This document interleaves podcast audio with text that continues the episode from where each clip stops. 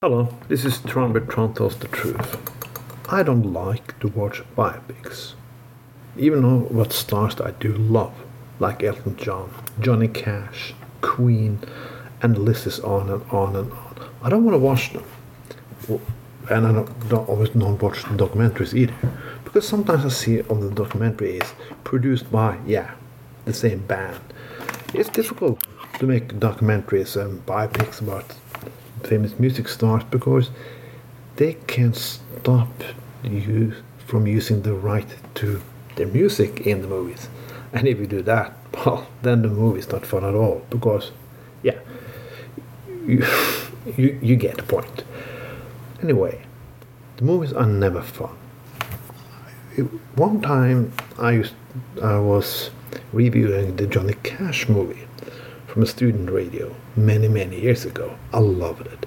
It's so perfect, so brilliant. But again, when I started to look in his history, no, it's not like that. It's like how he wanted it to be. Queen is exactly the same. There are so many things in the Queen movie that's totally bullshit, totally wrong. Well, I know you have to spice up a movie with some, you cannot always do totally copy of the reality. You have to dramatize it a little bit. But okay, let's see how it all starts in every movie.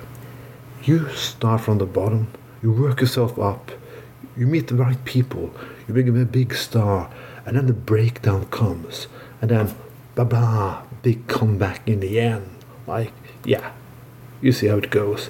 In Johnny Cash movie, it was in San Quentin. Yeah, during the Queen movie, it was in Live Aid.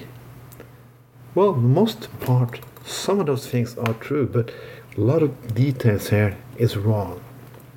In the Queen movie, it was so many wrongs. Like, uh, I don't even know what got into it. But again, that's why I never watch them. So, my good idea to you read the books. Maybe read books about people seen from the outside. Not any book about some big stars they are good either. I read books about the vocals of my Rolling Stones, Paul McCartney, from an author I will not name. So somebody also like to put some gossip into it. But reality is a lot more complex. Life to a person is a lot more complex. We like to see heroes as not normal people, just as heroes. If there happens something wrong with them, it's obvious some misunderstood things, blah blah blah. But people are definitely people when you come to this point.